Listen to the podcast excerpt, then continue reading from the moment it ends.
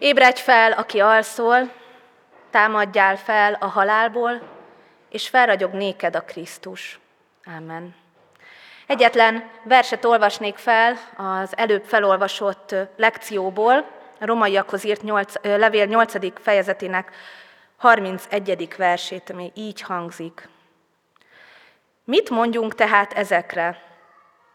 Ha Isten velünk, ki lehet ellenünk? Foglaljuk el helyünket. Kedves budafoki gyülekezet, már volt szó a római levél kapcsán itt a gyülekezetben a kiszolgáltatott emberről, az igaz emberről, a bűnös emberről, a beteg emberről. Ma pedig a győztes emberről lesz szó. Gondolkodtam is, hogy milyen szerencsés vagyok, hogy nekem egy ilyen címszó jutott, hogy a győztes ember, és nem a kiszolgáltatott ember. Pálapostól ebben a lekcióban, ami ide ki van vetítve, öt kérdést szegez a római gyülekezethez, és azon gondolkodtunk Lajossal együtt, hogy ez olyan, mint egy mennyei népszámlálás. Hogy itt ezekre a kérdésekre vagy valaki a győztes csapat tagjaként válaszol, vagy valaki nem a győztes csapat tagjaként, a vesztes csapat tagjaként válaszol, de nincs olyan, hogy nem válaszol opció. Hiányzik belőle. Nem lehet tartózkodni, nincsen semleges terület, nincsen olyan, hogy nem nyomom meg a gombot. És bizony ez azt jelenti ránk nézve, hogy ha nekünk is odaszegezi Pálapostól ezt a kérdést, akkor mi is csak kétféleképpen tudunk válaszolni ezekre a kérdésekre, vagy úgy, mint akik a győztes csapattagjai, vagy úgy, mint akik nem. És aki Istennel éli az életét, az a győztes csapattagja, az egy győztes ember. Erről lesz ma szó itt az ige hirdetésben. Pálapostól nem ismeri a római gyülekezetet személyesen, sose volt ott, csak mindig volt egy vágy benne, hogy elmenjen a birodalom középpontjában lévő keresztény gyülekezethez, amely ott van a tűzfészekben, a nagy fővárosban, a birodalom centrumában. Róma ugye egy nagy, pesgő nagyváros, a hatalom koncentráltan van jelen, császárok jönnek, mennek, elbuknak, kicsit valaki olvasgatja az ókori iratokat, akkor rájön, hogy izgalmasabb dolgok történnek benne, mint a trónok harcában. Tehát egy nagyon, nagyon aktív és izgalmas életet élő nagyváros. És bizony ebben a nagyvárosban ott van egy maroknyi ember, néhány család, akik összegyűlnek házanként, és valamiért feltűnőek lesznek egy idő után. Ennek a maroknyi csapatnak a jelenléte is bosszantó a rómaiak számára. Nem csak a római pogányok számára, tehát nem csak a császárok számára, akik ugye később nagyon keményen üldözik majd a keresztényeket, hanem bosszantó ennek a maroknyi embernek a jelenléte a Rómában élő diaszpora zsidóság számára is. Nem tudnak mit kezdeni velük. De miért? Miért bosszantja őket néhány család? Miért idegesíti a gyomrukban ideggörcsöt okozva ez a pár ember a rómaiakat? Hát azért, mert ezek az emberek más szabályokat követnek, más szabályszerűségek szerint élik az életüket, mint a rómaiak.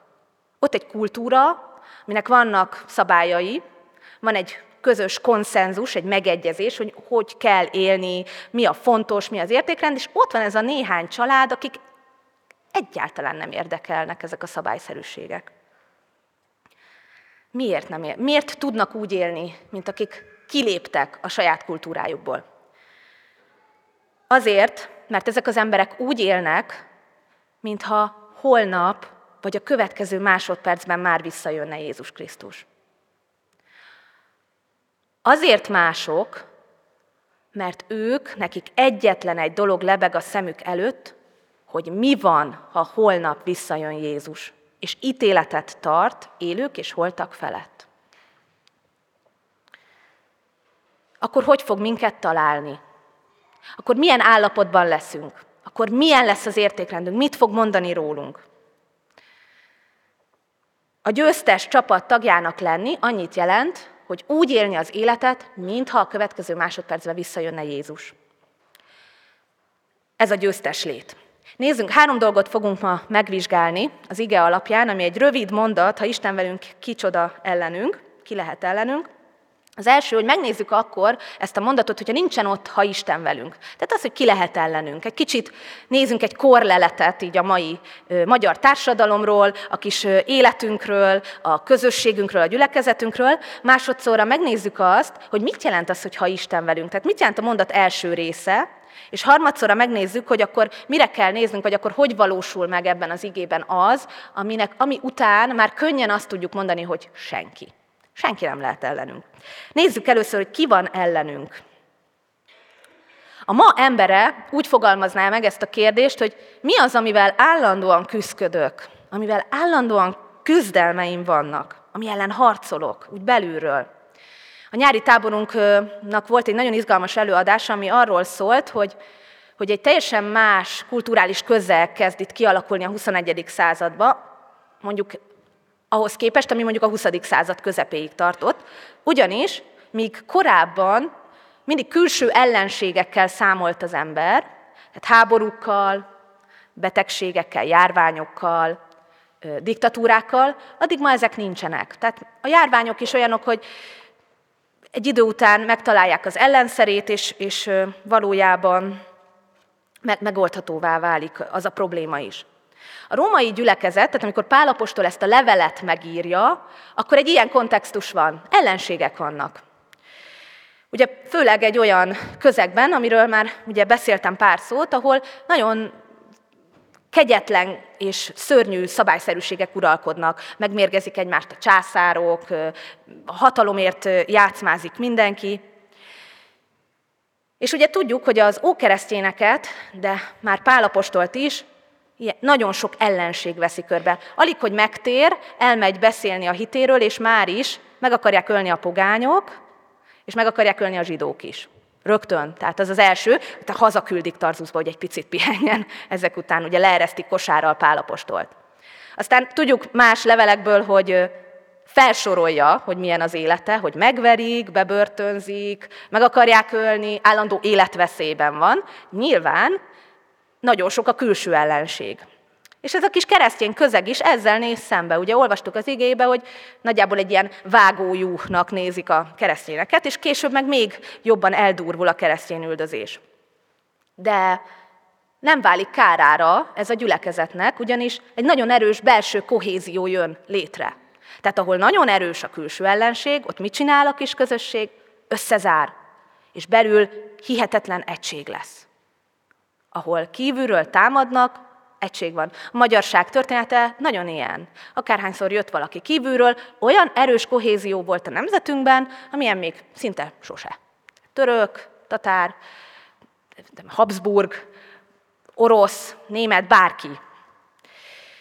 De ma nem beszélhetünk ilyen egyértelmű külső ellenségről, bár van az is, de sajnos ma már számolnunk kell a belső ellenségről, és erről fogok egy picit részletesebben beszélni, ugyanis a mai kontextus az, hogy a kereszténységünk megosztott, egymásnak eső, és a belső széthúzás jellemző rá. Hihetetlenül erős a belső ellenség ma. Nézzük meg három szinten, hogy hogyan nő fel ez az ellenség. Az első ugye az egyéni szint, ami sokszor érdekel minket, amikor itt ülünk a a templomban szeretnének gyógyulni a sebeink. Ugye ma nagyon sok küzdelme van egy 21. századi embernek. Küzdködünk magunkkal, az indulatainkkal, azokkal a belső dolgokkal, amik olyan megváltoztathatatlannak tűnnek, a belső feszültségeinkkel, a szorongással. Küzdködünk a motiválatlansággal, azzal, hogy nincsen célja az életünknek. Nagyon sokan így élik az életüket. Küzdködünk azzal, hogy nem vagyok a helyemen, valami, valami, valamit változtatni kéne. Küzdködünk az elégedetlenségünkkel, a függőségekkel. Küzdködünk a kizsákmányoltság érzéssel a munkahelyeken. Küzdködünk a sodródásunkkal, a céltalanságunkkal. Küzdködünk azzal, hogy nem vagyunk elegek. Van köztünk olyan, aki nem nézett egyikkel sem még farkas szemet, aki úgy, hát ezek egyike sem vonatkozik rám, én nagyon jó vagyok mindezekkel. Hát gondoljunk bele, hogy már milyen picikorba felüti a szorongás és félelem a fejét. Amikor a gyerekek sírnak, mert egy másodpercet kimegyünk a szobából. Vagy amikor nézzünk meg egy óvodás kis csoportos beszoktatást, szerintem nagyjából az apokalipszissel egyenértékű, annyi sírást lehet ott hallani. Csak hogy már nagyon pici korban, a kezdetek kezdetén, amikor azt gondolná az ember, hogy ott a fehér lap, akkor még nincsen szorongás, ott is ott van. Az emberlétben oda van, be van kódolva ez a küzdelem. Vagy Magyarországon hihetetlen arányba fogy a frontin, most lehet, hogy ez reklámnak minősül itt a jó youtube de hogy a nyugtatók, meg a különböző antidepresszánsok sorban állnak a gyógyszertárakban ezért az emberek. Gyakorlatilag mindenkinek van a táskájában már lassan. De a kultúránk olyan, hogy valahogy olyan gyakran váltanak az emberek munkahelyet, mondván, hogy ez nem az. Olyan nyugtalanság van bennük, hogy, hogy valami nem oké, nem vagyok a helyemen. És akkor ez a belső frusztráltság, ez a szorongás így űzi az embereket. Ki a kapcsolataikból. Ha kilépek ebből, akkor jobb lesz. Akkor megszűnik ez a nyomasztó kontroll, ez a, ez a félelmetes szorongás. Vagy elűzi a munkahelyekről. Három évente vált munkahelyet az Y generáció. Az éről nem beszélek. Vagy gondoljunk abba bele, hogy kiűzi az országunkból az embereket. Nem tudok itt élni. Valami olyan nyomasztó valami van, hogy nem tudok itt élni, ha elmegyek innen, jobb lesz. Ott a belső ellenség. Mindenki szembenéz vele. Ott van a gonosz nagyon jól tudja, hogy hol és mit tud az emberben megszólítani. De nézzük meg gyülekezeti szinten. Ugye itt a mi gyülekezetünkben is így van, amint a mondatnak csak a második fele van ott az életünkben, ki lehet ellenünk, nincs ott, hogyha Isten velünk, a gyülekezetünkben is felüti fejét a megosztottság, az ellenségeskedés. Azt tudom, de csak halomásból tudom, hogy az Ádám körben, ennél nagyobb részletet nem tudok, a csűrcsavar leveleit olvassák, a férfiak. Csűrcsavar levelei egy olyan könyv, ami arról szól, hogy egy ördögfióka azon mesterkedik, hogy hogy tudná megszerezni az emberek lelkét. És elképesztően színes eszköztára van. De mindent felhasznál, hogy valahogy, valamilyen úton, módon megkaparintsa magának azt az embert. És ilyen eszköztárba tartozik a gőg és az elbizakodottság is, a narcisztikusság is. Ilyen eszköztár, amit fel tud használni a gonosz magának, a harag, a féltékenység, a rossz indulat, a megbántottság, a megbocsátás hiánya, a plegykálkodás, különböző bálványok, amik fontosabbak az Istennél, az önhitség, a fontoskodás és a bizonyítási vágy is. Ezeket mind olyan szépen felhasználja, hogy egy közösséget szétziláljon, Hány és hány ilyen példát tudnánk látni magunk előtt, ahogyan szétesik egy közösség azért, mert harcok vannak egymás ellen. Ugyanis Isten nélkül még a gyülekezetben is felnő ez a széthúzás. És végül a társadalmi szint, ami nagyjából hasonló a közösségi szinthez, csak nagyobb méreteket ölt. Ugye azt mondja az ige, hogy a keresztények kovászok, ismerjük a kovászokat, hogy a kovásztól meg kell az egész tészta. Tehát, hogy egy kis kovász kerül valamiben, az az egész tésztára hatást gyakorol. Ha és amennyiben a kovászt Isten táplálja, akkor a társadalmunk egészét át tudnánk szőni. Akkor elég lenne egy kis kovász, és mindenre hatást gyakorolna. De hogyha a kovász és Isten között megszűnik a kapcsolat, akkor az a kovász meghal. Ahogyan ez megesett az én kovászommal is, amit pár hétig nem etettem, és lámlám, ma már nem tudok belőle kenyeret sütni, mert szegényt odattam az örökkévalónak. Nekünk itt Budafokon kovásznak kell lennünk, itt ennek a gyülekezetnek, a teletemplomunknak. Az egész társadalom kovászának kell lennünk. Egy olyan társadalomban, ahol a megosztottság és a békétlenség, a gyűlölködés uralkodik. Egy olyan társadalomban, ahol nem állnak szóba a generációk egymással. Gyűlölik egymást. Az egyik azt mondja a másiknak, és a másik azt mondja az egyiknek. Mindenki sokkal könnyebben oda rakja azt az ellenség címkét, mint sem, hogy imádkozna az elveszettekért. Mennyire gyakori a hatalomért és a befolyásért vívott csatározás. Milyen erősen szét tudja ez zilálni a nemzetünket, a népünket. Nem állunk szóba egymással. Hol van a kovász? Hol van a kereszténység ebben? Budafokon jelen tudunk úgy lenni, mint a római gyülekezet? Tudunk más játékszabályokat követni? Ki van velünk?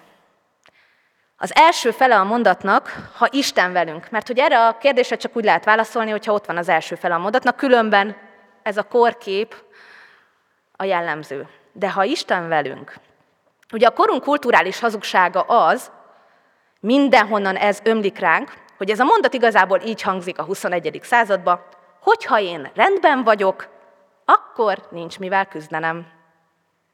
A számos önismereti, pszichológiai tanfolyamok erről szólnak, ha én rendben vagyok, akkor mindenki rendben van.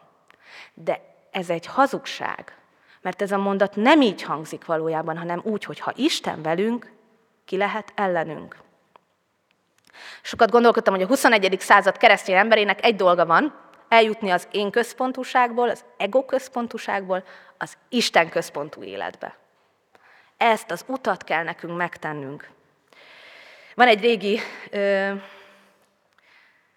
van egy régi dicsőítő ének, amit szeretnék idézni. Meg lehet hallgatni otthon a Dobner Illés felesége, az Évi énekli a Youtube-on lehet ezt meghallgatni, és így hangzik a, a szöveg, egy kicsit idézek belőle, arra teremtettél meg, hogy megismerjem, milyen a te szereteted. Arra teremtettél meg, hogy dicsérjem neved. Halványuljon minden más. Nem rólam, rólad szól. Az életem rólad szól. Ez a mondat első fele. És ez a válasz. Egy kicsit még kitekintve, hogy mit jelent ez, hogy ha velünk az Isten, ugye könnyen értelmezhetnénk egy ilyen általános, transzcendens aki ugye minden vallásban valahol ott van, egy élményre, amit igazából mindenki átél, hogy valami emberen túli megszólít, csak hogy itt nem erről van szó. Ha velünk az Isten, ezt ismerjük az evangéliumok elejéről, és úgy ismerjük, mint egy név, Immanuel.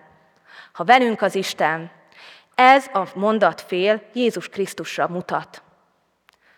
Ha én Jézus Krisztusra nézek, az ő lábnyomában járok. Ez ezt jelenti.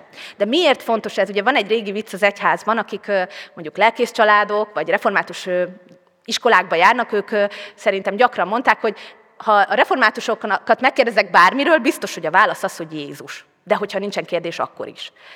Csak hogy tényleg ez van. De miért fontos ez? Azért, mert Jézus Krisztus elválaszt, konfrontálódik sok mindennel, konfrontálódik egy általános Istenképpel, döntés elé állítja az embert. Mert hogyha én Jézus Krisztust követem, akkor nem biztos, hogy ugyanazt teszem, mint a más vallásokkal élők. Ez egy nagyon, nagyon nehéz dolog. Ez egy döntési pont. Amikor Péter hitvallást tesz, nem volt neki könnyű, hogy megvallja Jézus Krisztusba, hogy őt a messiásnak tartja, de ott az egy pont, ahol az ember dönt, ahol nincsen kérdés. És bizony ez a, ez a kockázatos és bátor tett, hogy az ember megvallja, hogy én már pedig Jézus Krisztus sé vagyok, az azt is jelenti, hogy beállok Jézus Krisztus lábnyomába és követem őt, és itt eljutunk a harmadik ponthoz, hogy akkor mit is jelent, vagy hogyan tudom erre a kérdésre azt mondani, hogy senki nem lehet ellenem, hogy nincs az a szorongás, az a belső ellenség, és nincs az a külső ellenség se, amivel én szembe kell nézek, vagy ahol nem vagyok győztes. Nézzünk fel Jézus Krisztusra, a keresztre és az üres sírra. Mit mond nekünk? Az első, amit mond, hogy Krisztus legyőzte a gonosz játékszabályait a hatalmi harcokat, a bosszúállást, az adokkapokat. Ott a kereszten, nézzünk föl, önként ment oda. Nem harcolt, nem hívta az angyal sereget, nem válaszolt, hanem ott volt a kereszten önként. Hát nem nevetségesek a hatalmi harcok, hogyha ezt látjuk, a megváltónkat. Nem elképesztően nevetséges, hogy az ember pozíciókért, befolyásért harcol, amikor a megváltó ott van a kereszten. Krisztusé a hatalom másodszorra. Ahogyan hallottuk ma már, azt mondta ugye, hogy nekem adatott minden hatalom menjen és földön. Halljuk meg Jézus szavait, amikor, amikor mint a János és tehát az Ebedeus fiak vitatkoznak, hogy ki fog ott ülni a jobb oldalon a mennyei trón mellett, és azt mondja nekik Jézus, hogy közöttetek ne így legyen. Gyökerezzen bele a szívünkbe, hogy de közöttetek ne így legyen. Mert a Krisztusé a hatalom. Adjuk át neki ezt. Harmadszorra Krisztusé a kontroll. Nem kell a helyére lépnem. Nem kell őt helyettesítenem. Nem kell helyette dolgoznom, mert ő dolgozik. Itt van. Velünk van a világ végezetéig. Ő a kezében tart mindent. Ő a mindenható, és nem én. Nem kell átvennem tőle. Engedjem bele magamat abba, hogy ő résem van, és látja a szenvedést, és látja, és odaáll. Csak nézzek rá, csak ő legyen a fókuszomban, ne vegyem el a tekintetemet róla, mert ő az, aki győz. És végül Krisztus legyőzte a halált a kereszten. Ott az üres sír. Ha ezt a gondolatot belegyökeresztetjük a szívünkbe, akkor nem kell félni az elmúlástól. Akkor nem kell félni attól, hogy nem hagyok elég nagy emlékművet magam mögött. Akkor nem kell félni attól, hogy nem volt elég fontos az életem, mert nincsen halál. Mert nincsen halál a végén, mert feltámadunk testben. Vegyük komolyan a hitvallásunk szövegét. Ezt hisszük. Nem kell rettegni. És akkor már hirtelen az életünk a helyén lesz. Ez fókuszkérdés. Ha Isten velünk, a mondat első felét vegyük komolyan, legyen ott a szívünkben, hogy Jézus Krisztusra nézünk. Amen.